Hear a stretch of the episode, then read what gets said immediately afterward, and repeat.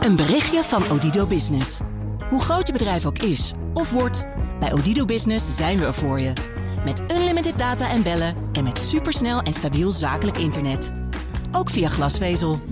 Ontdek wat er allemaal kan op odido.nl/slash business. Het kan ook zo. BNR Digitaal wordt gesponsord door Archie CRM Software. BNR Nieuwsradio. BNR Digitaal. Hair Herbert Blankenstein. Hoe moet het verder met Twitter? Opnieuw gaat het bedrijf honderden mensen ontslaan. De app Vine voor korte webvideo's wordt gesloten.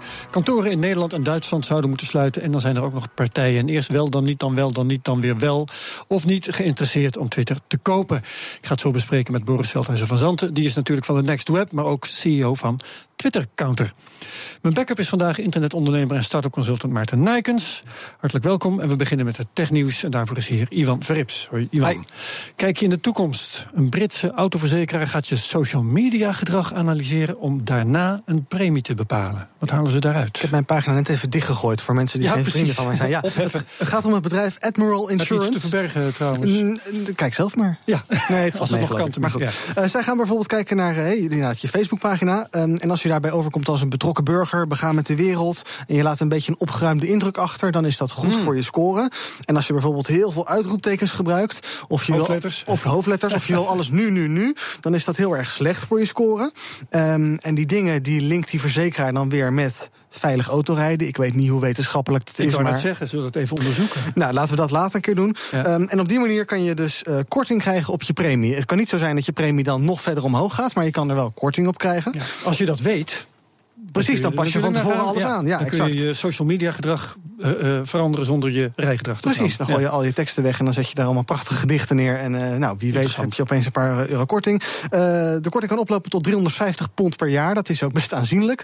Ehm, voor een beetje netjes social media gedrag dus. Ja. En volgens de verzekeraar is dit een eerste test om te kijken ja, hoe, nou, hoe om te gaan met dit soort data. Ja. En ze zijn er nog niet mee begonnen. Ze zouden er gisteren mee beg- beginnen, maar het is uitgesteld. Oh. Goh, verrassend. Misschien toch wat bezwaren of problemen. Maar ehm, dit gaat er toch wel komen, lijkt. Ja, wie zei dat, je geen geld kon verdienen met social media? Precies. Was een goedaardige tegenhanger van dat Mirai-virus. Ja. Mirai-malware, maar die is alweer verdwenen. Ja, we hebben het al een paar weken over die Internet of Things aanval. Ik beloof u, we zullen het er volgende week niet over hebben. Ehm, die is veroorzaakt door allerlei eh, Internet of Things apparaten. Die waren inderdaad besmet met die malware. Er was een onderzoeker, meneer Leo Linsky. Die heeft die broncode van die malware gebruikt, want die staat online. ehm, om een eigen worm te maken. Alleen dat ding deed eigenlijk het goede in plaats van het verkeerde. Die paste je standaard wachtwoorden in je slimme wekkers en broodroosters aan. ehm, en verwijderde zichzelf dan weer. Dus op zich was dat wel sympathiek, want toen kon die Mirai-malware er niet meer in. En wist je dan als eigenaar ook wat dat nieuwe wachtwoord was? Precies, je kon er zelf ook niet meer in. Eh, Oh, dus dat is niet fijn. echt heel handig. Ik vergeleek het een beetje voor mezelf met een soort inbreker die je sloten komt vervangen en dan weer vertrekt. Maar ja, dan kom je ook zelf je huis niet meer in. Of eruit? Eh, ja, of eruit is een groot probleem. En inderdaad, ja, een worm, eh, een goedaardige worm, is net zo goed verboden als een slechtaardige worm. Dus daar zit nog een heel ethisch vraagstuk. Ja, waar we het in dit programma eens een keer over moeten hebben. Absoluut. Want ja, ja, ja, waarom zou je niet reparaties mogen uitvoeren? Ja, precies, zonder, iemand, zonder dat misschien iemand het weet zelfs. Iets wat duidelijk goed is. Maar oké, dus inderdaad een, een open vraag. De New York Times gaat dagelijks journalistieke 360 graden video's maken. En daarvoor werken ze samen met Samsung. Dat project heet The Daily 360. Kan je bekijken via de website, via de app van de New York Times en ook via de eigen platformen van Samsung. Wordt geschoten met camera's, uiteraard van Samsung. Ik heb het nu heel vaak genoemd al, Gear 360 camera's. Ze gaan natuurlijk de presidentsverkiezingen in de VS coveren. En het eerste filmpje, dat is heel wat anders. Dat zijn beelden uit Jemen. Eh, je ziet daar een paar huizen naar luchtaanvallen. Dat is heel indrukwekkend beeld, maar qua audio is het nog niet zo spannend. Ja, dit is het eigenlijk al. Dus er worden beelden om je heen gemaakt en daarmee zie je wat er gebeurd is. Ja. Eh, je hoort dit, maar misschien dat ze die audio voor de andere beelden nog wat spannender kunnen maken, zodat het een echte 360 graden beleving wordt. Ja, goed. Voor eh, 360 graden audio eh, misschien een volgende keer. Hè, dat we dan eh, een betreffend filmpje alsnog meenemen. Ivan, dankjewel. BNR Nieuwsradio. BNR Digitaal. Twitter grijpt opnieuw flink in in het banenbestand. Zo'n 10% van de mensen moet vertrekken. En tegelijkertijd wordt Vine gesloten. Worden kleinere kantoren van Twitter, bijvoorbeeld in Nederland en Duitsland, waarschijnlijk opgeheven. En dan is er ook nog die onzekerheid over de verkoop van het bedrijf. Daar ga ik over praten met Boris Veldhuizen van Zanten. We kennen je van de Next Web. Uh, iets minder van Twitter Counter, maar dat heb jij ook. Dat doe jij ook. Wat doet Twitter Counter? Het is een statistieke service eigenlijk. Dus je kunt uh, je Twitter-gebruik in kaart brengen, zien wie er je nieuwe volgers zijn, wie invloedrijke nieuwe volgers zijn die ja. je terugvolgen, dat soort dingen. En jij verdient geld aan Twitter op deze manier? Op, ja, aan de statistieken bovenop Twitter, inderdaad. Ja, ja, anders dan het bedrijf zelf, dus dat is wel grappig. Ik denk dat ze ook wel wat geld verdienen hoor. Ja, nou, ze maken toch gewoon verlies. Maar dan uh, komt er nog steeds wel wat geld binnen. Er komt ja, geld dus binnen, gaat alleen meer uit. Dat is dan even jammer. Ja, oké. Okay. Maarten, uh, Maarten uh, Nijkens. Um, jij hebt bevestigd gekregen dat delen van Twitter Nederland naar het buitenland worden verplaatst. Ja, dat klopt inderdaad.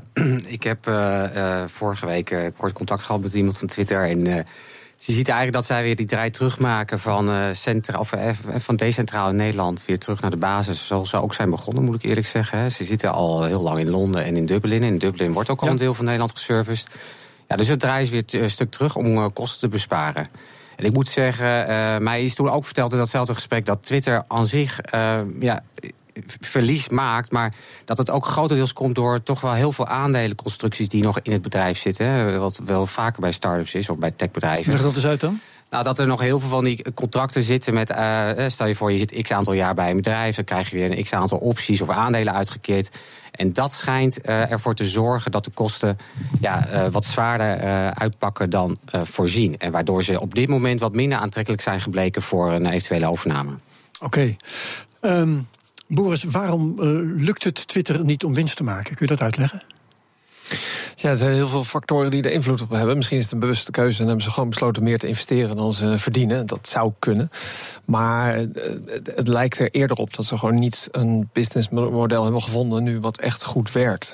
Facebook heeft dat wel. Die heeft allerlei verschillende manieren. Dat lukt eigenlijk steeds wel. Twitter heeft een aantal dingen geprobeerd, maar dat voelt nog niet heel succesvol en aan. ligt dat aan de mensen in het bedrijf? Of van de constructies die Maarten net uitlegt? Of ligt het misschien toch aan het soort dienst dat Twitter is? Ja, ik denk dat dat een groter probleem is. Hè. Dus kijk, dat zij niet zoveel geld verdienen of helemaal geen geld verdienen, daar maakt niemand zich zorgen over. Het is uh, internet. Uh, Amazon maakt ook al twintig uh, jaar geen winst, maar daar zijn we toch nog wel enthousiast over. Ja. Ik denk een groter probleem is dat je wel gewoon dat mensen een beetje voelen van ja. Twitter begint een beetje ouderwets te voelen eigenlijk. Hè. De, de Facebook, zelfs Facebook het begint al ouderwets te voelen. Als je We weten het nou wel. Ja en, ja. en Twitter voelt gewoon niet als... Dat is trouwens een belangrijk verschil met Amazon. Hè, want die groeien maar door en groeien hebben steeds weer en, nieuwe dingen. Ze zijn ja. vreselijk innovatief. Ja, Twitter is niet zo innovatief, mag je dat zeggen? Ja, ze, zij zeggen zelf dat ze heel consistent zijn en hun, uh, hun product heel uh, Dat klinkt al niet houdt, innovatief, vind ik. Nee, niet echt. Nee, je zou toch wel verwachten dat er... Hè, dus uh, een paar maanden geleden was er sprake van dat ze die 140 karakterlimiet misschien zouden opheffen. En dat ja. er een soort manier zou komen dat je misschien een langere tekst zou kunnen attachen. Net zoals je een plaatje kan toevoegen. En toen dacht ik al van, oh, dat is wel echt wat er nodig is. Maar ja, dat gaat, komt dan toch weer niet door. Dan komen ze met iets anders waarvan je denkt van, ja, wie zit daar nou op te wachten? Nou, nu is Fine, wordt de stekker eruit getrokken, die buitenlandse vestigingen. En het, het, ze brengen het wel als nee, nee, het is gewoon een besparing, niks aan ja. de hand. Maar er zijn toch weinig bedrijven die zeggen van we zijn zo succesvol dat we onze vestigingen gaan opheffen. Dat is. Uh, Jij bent wel een heel uh, enthousiaste gebruiker van Twitter. Ja, het doet ook echt pijn. Ja, ik vind, want ja. ik ben, ja, Twitter, Twitter heeft absoluut mijn sympathie. Hè. Ik heb ze altijd gevolgd en nou, ik heb een bedrijf erop gebouwd. Uh, ik ben ook echt enthousiast gebruiker. Ik grijp snel eerder naar Twitter dan naar iets anders. Maar als ik naar de statistiek uh, kijk, dan, ja, dan merk ik dat dat eigenlijk niet zo heel verstandig meer is voor ja. mij. Hoe zit het bij jou, Maarten? Nou, ik, ik zat net na te denken. Ja, wel veel minder. Ja, daar ben ik heel eerlijk in. En mm -hmm. ik denk, ja, het is gewoon een markt waar zoveel in gebeurt. Ik vind dat Twitter absoluut wel een innovatief bedrijf is. Alleen ze zijn niet aangeslagen. Ze hebben het in muziek geprobeerd, in sport, in tv. Ja, in tv doen ze nu al aardig. Het is ook niet een slecht product. Alleen in die markt waar nu ook een Snapchat ineens razendsnel naar voren komt. Waarbij ook webcare nu door WhatsApp wordt overgenomen. Ja, hun rol wordt steeds verder uitgerold. En is daar het probleem ze... misschien dat ze geen focus hebben? Hè? Want uh, maar, zitten, het van zit een beetje in het format. Veldhuizen van Zanten, zit dat daar allemaal? Ja, Wat is maar, Twitter nou eigenlijk? Ja, dat, ja het, het, was een, het is nog steeds een heel mooi micro-messaging-platform. Alleen dat is niet meer goed genoeg in deze markt. En dat is denk ik het, het moeilijke. En dat is ook echt heel moeilijk. Van hoe kun je daar nog uitkomen? Ja. En dat vind ik eigenlijk het grootste zorgpunt bij in Twitter. Ik denk dat het nu nog best wel een interessant bedrijf is. Maar ja, kunnen zij inderdaad die, die, slag, die, die slag maken naar iets nieuws? Ja. dat zie ik niet echt gebeuren. En Boris, ehm, die overname dat is dan tot nu toe niet gelukt. Ehm, en dat, is, eh, ja, dat, dat, dat vergroot de wanhoop natuurlijk. Maar zou dat niet heel goed zijn voor het bedrijf, stel dat het wel zou lukken? Dat Twitter tenminste uh, eindelijk uh, of een gezinsinstrument zou worden bij Disney... of juist een zakelijk instrument bij Salesforce? Wat denk jij ervan? Ja, het ligt er heel erg aan welke partij het zou overnemen. Hè. Dus Jawel, Google maar goed, was ook sprake focus. van. Ja, dus ik, ik heb het gevoel dat ze een beetje te veel focus hebben. Dat ze zoveel focus hebben dat ze eigenlijk niks anders meer doen. Ja, dus De eh, laser- op met focussen. dat. Waar, waar, Ja. waar is de focus dan op? Nou, op de service heel simpel houden. Hè. Dus eh, Ah, Facebook oké, verandert ieder focus jaar. Hè. En zij zeggen nee, nee, nee, nee. Het moet, hè, die core moet zijn zoals die eh, moet blijven zoals die is. Waarvan je nu inmiddels denkt van ja, dat was de eerste vijf jaar heel goed. Maar nu mag er toch wel eens wat gaan gebeuren. Ja. Nou, er gebeurt en iets. misschien dat dat gebeurt na een overname. Hè. Dus als inderdaad Disney of Salesforce die zeggen van oké, maar nu gaan we ook echt even alles anders doen. Nou, dan gaat iedereen wel weer even rechtop zitten en Ja. kijken. Misschien wil TMG, eh, TMG wel het overnemen. hè. Die hebben daar altijd wel een neusje voor. Wat er gebeurt, dat is dat Vine wordt opgeheven. Nou ja, dat is misschien het omgekeerde van iets gebeuren. Maar ehm, doet dat ook pijn bij jou, Vine? De zes nee, seconden video's? is nooit aangeslagen bij mij. Nee, dus dat, Nee. nee. ik merk dat eigenlijk niet. En zo zijn er allerlei dingen Je hoor bij de Twitter. De-. Ja, je hebt eh, Twitter Moments nu is gelanceerd. Nou, ik, ja, ik heb er even naar gekeken en dan haal je je schouders op. En dan denk je, nou, Periscope was eh, recent. ja, inderdaad. aardig. Dus toch ook niet Facebook eroverheen. Nee, nee, dus ze proberen Nee. inderdaad de hele tijd wel dingetjes, maar die slaan allemaal niet aan. Ja. En nog even over die statistieken. Ik zal je eh, in vertrouwen dan, maar niemand luistert mee. Hè. Dus Tuurlijk, wij nee, hebben 1,6 miljoen volgers op Twitter.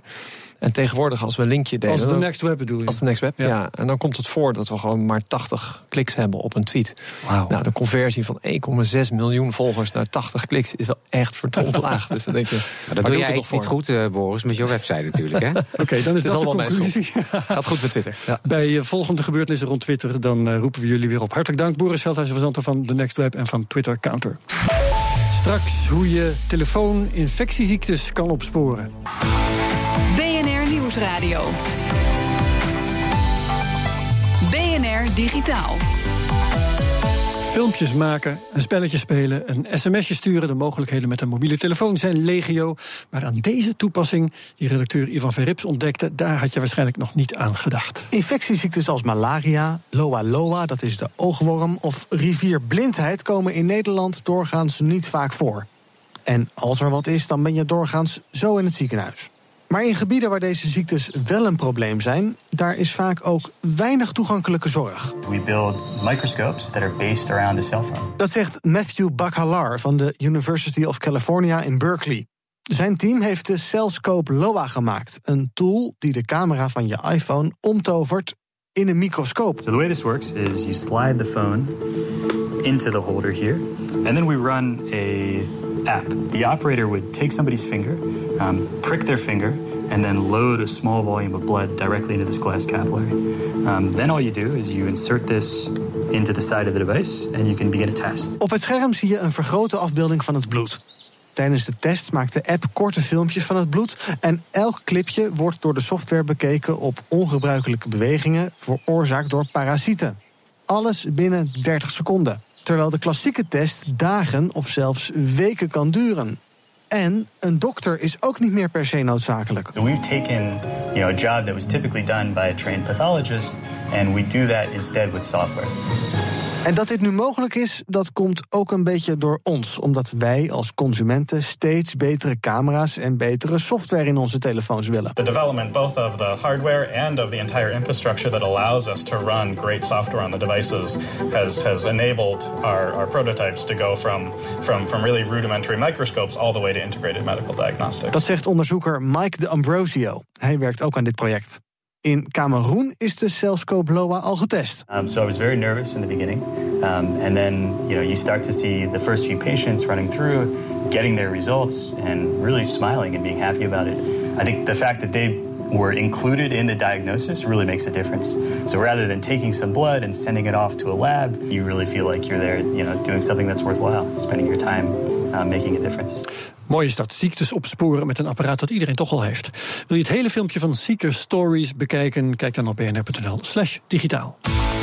BNR Nieuwsradio. BNR Digitaal. Herbert Blankenstein.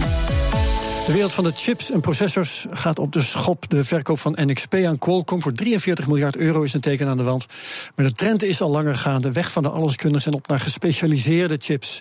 Maar is het evolutie of revolutie? Daar ga ik over praten met René Rijmakers van Bits Chips.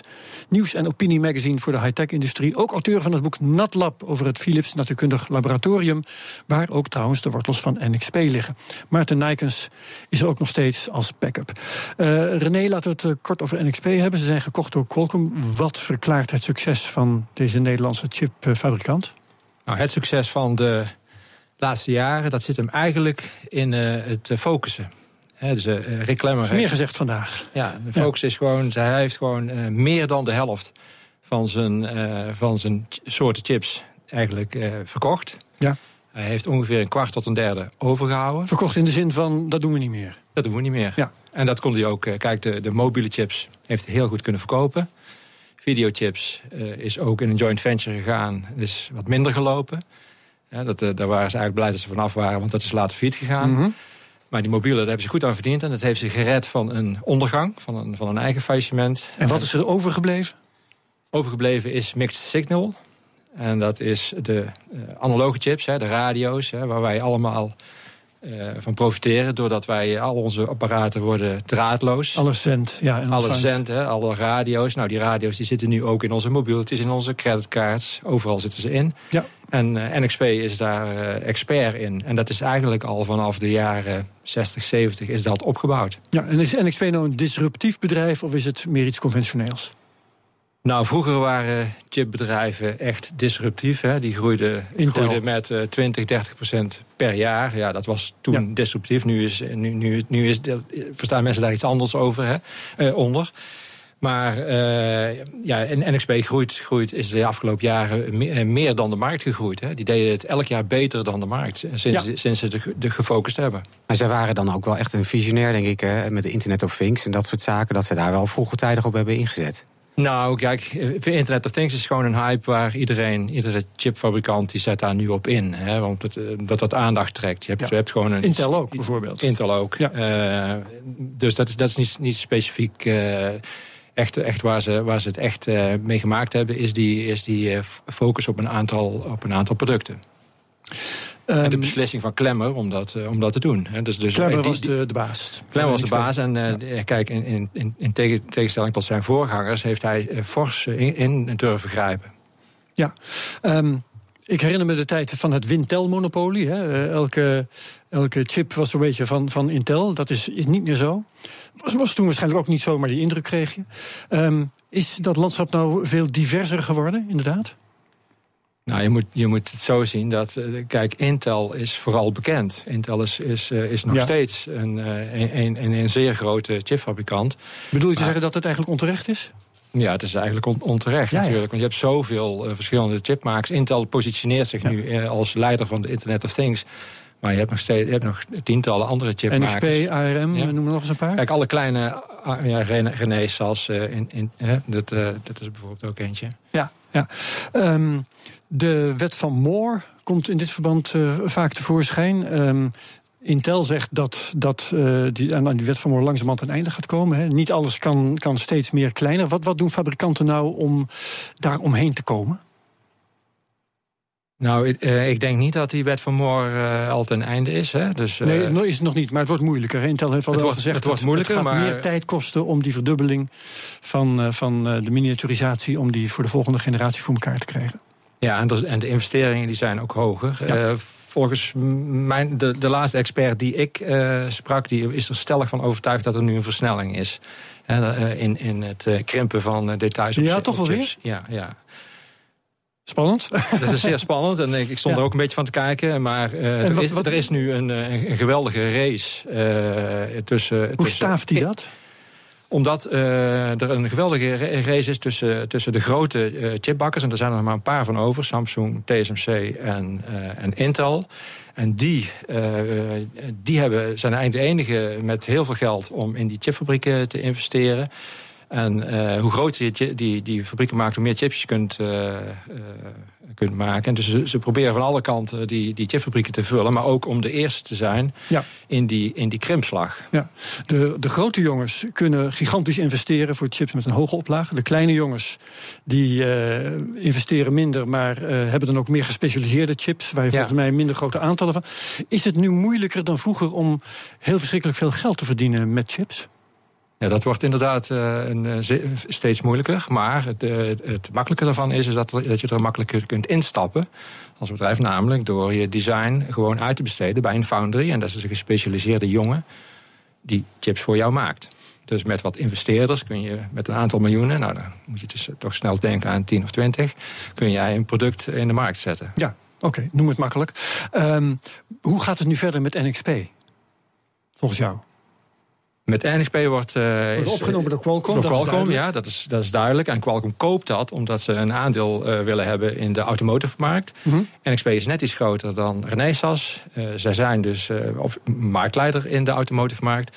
En voor Qualcomm is dat interessant, omdat ze daar uh, in, in andere segmenten, bijvoorbeeld mobiel, groeit Qualcomm veel minder. Dus ze zoeken manieren om uh, de, de, omzet te verhogen. Ja, ja. En uh, dat, wat we dus kunnen verwachten is dat zij dus, nu ze dus de, de design expertise, dus de manier om die chips te ontwerpen, dat ze die nu hebben af, overgenomen van NXP. En de klanten hebben ze overgenomen. En de verwachting is dat ze de, en, de fabriek in Nijmegen uh, lekker gaan verkopen. Dus dat die is, kunnen ze niet gebruiken. Dat, dat werd nee. wel ontkend door, die, uh, door de CEO, hè, die nu iets van 370 miljoen uh, naar binnen trekt. Ja. Ik begreep dat hij zei van nee, die fabriek blijft daar. Mensen hoeven, er zullen wat staffuncties verdwijnen, misschien op hoofdkantoor. René dus, Rijbakers tot slot. Nou, ik denk, kijk, uh, die, die, de fab die gaat de deur uit. Dat is gewoon zeker. Qualcomm is niet uh, geïnteresseerd. De fab is de fabriek, hè? Even. De fab, dat is de fabriek. Die is, uh, Qualcomm is niet geïnteresseerd in productie. Die is geïnteresseerd in het ergens laten maken. En wie dat maakt, het maakt Qualcomm helemaal niks uit. Maar waarom zegt hij dat dan? Uh, nou, misschien om zijn mensen gerust te stellen. Uh, want uh, daar zal dan wel weer onrust ontstaan. Maar ik, kijk, de mensen in Nijmegen zullen zich geen zorgen hoeven te maken. Want als Qualcomm die fab verkoopt, die, die fab in Nijmegen die is zo goed dat hij dat makkelijk kwijt kunt. En die mensen die kunnen er voorlopig nog wel vijf jaar aan de gang. Oké, dat is dan tenminste een positief bericht. Dankjewel René Rijmakers van Bits Chips en auteur van Natlab. Tot zover BNR Digitaal voor nu. Maarten Nijkers was backup, hartelijk dank. Uit de uitzending terugluisteren kan via de BNR-app of op bnr.nl slash digitaal. En verder heel graag tot volgende week. BNR Digitaal wordt gesponsord door Archie CRM Software. Een berichtje van Odido Business. Hoe groot je bedrijf ook is of wordt... Bij Odido Business zijn we er voor je. Met unlimited data en bellen en met supersnel en stabiel zakelijk internet. Ook via glasvezel. Ontdek wat er allemaal kan op odido.nl/business. Het kan ook zo.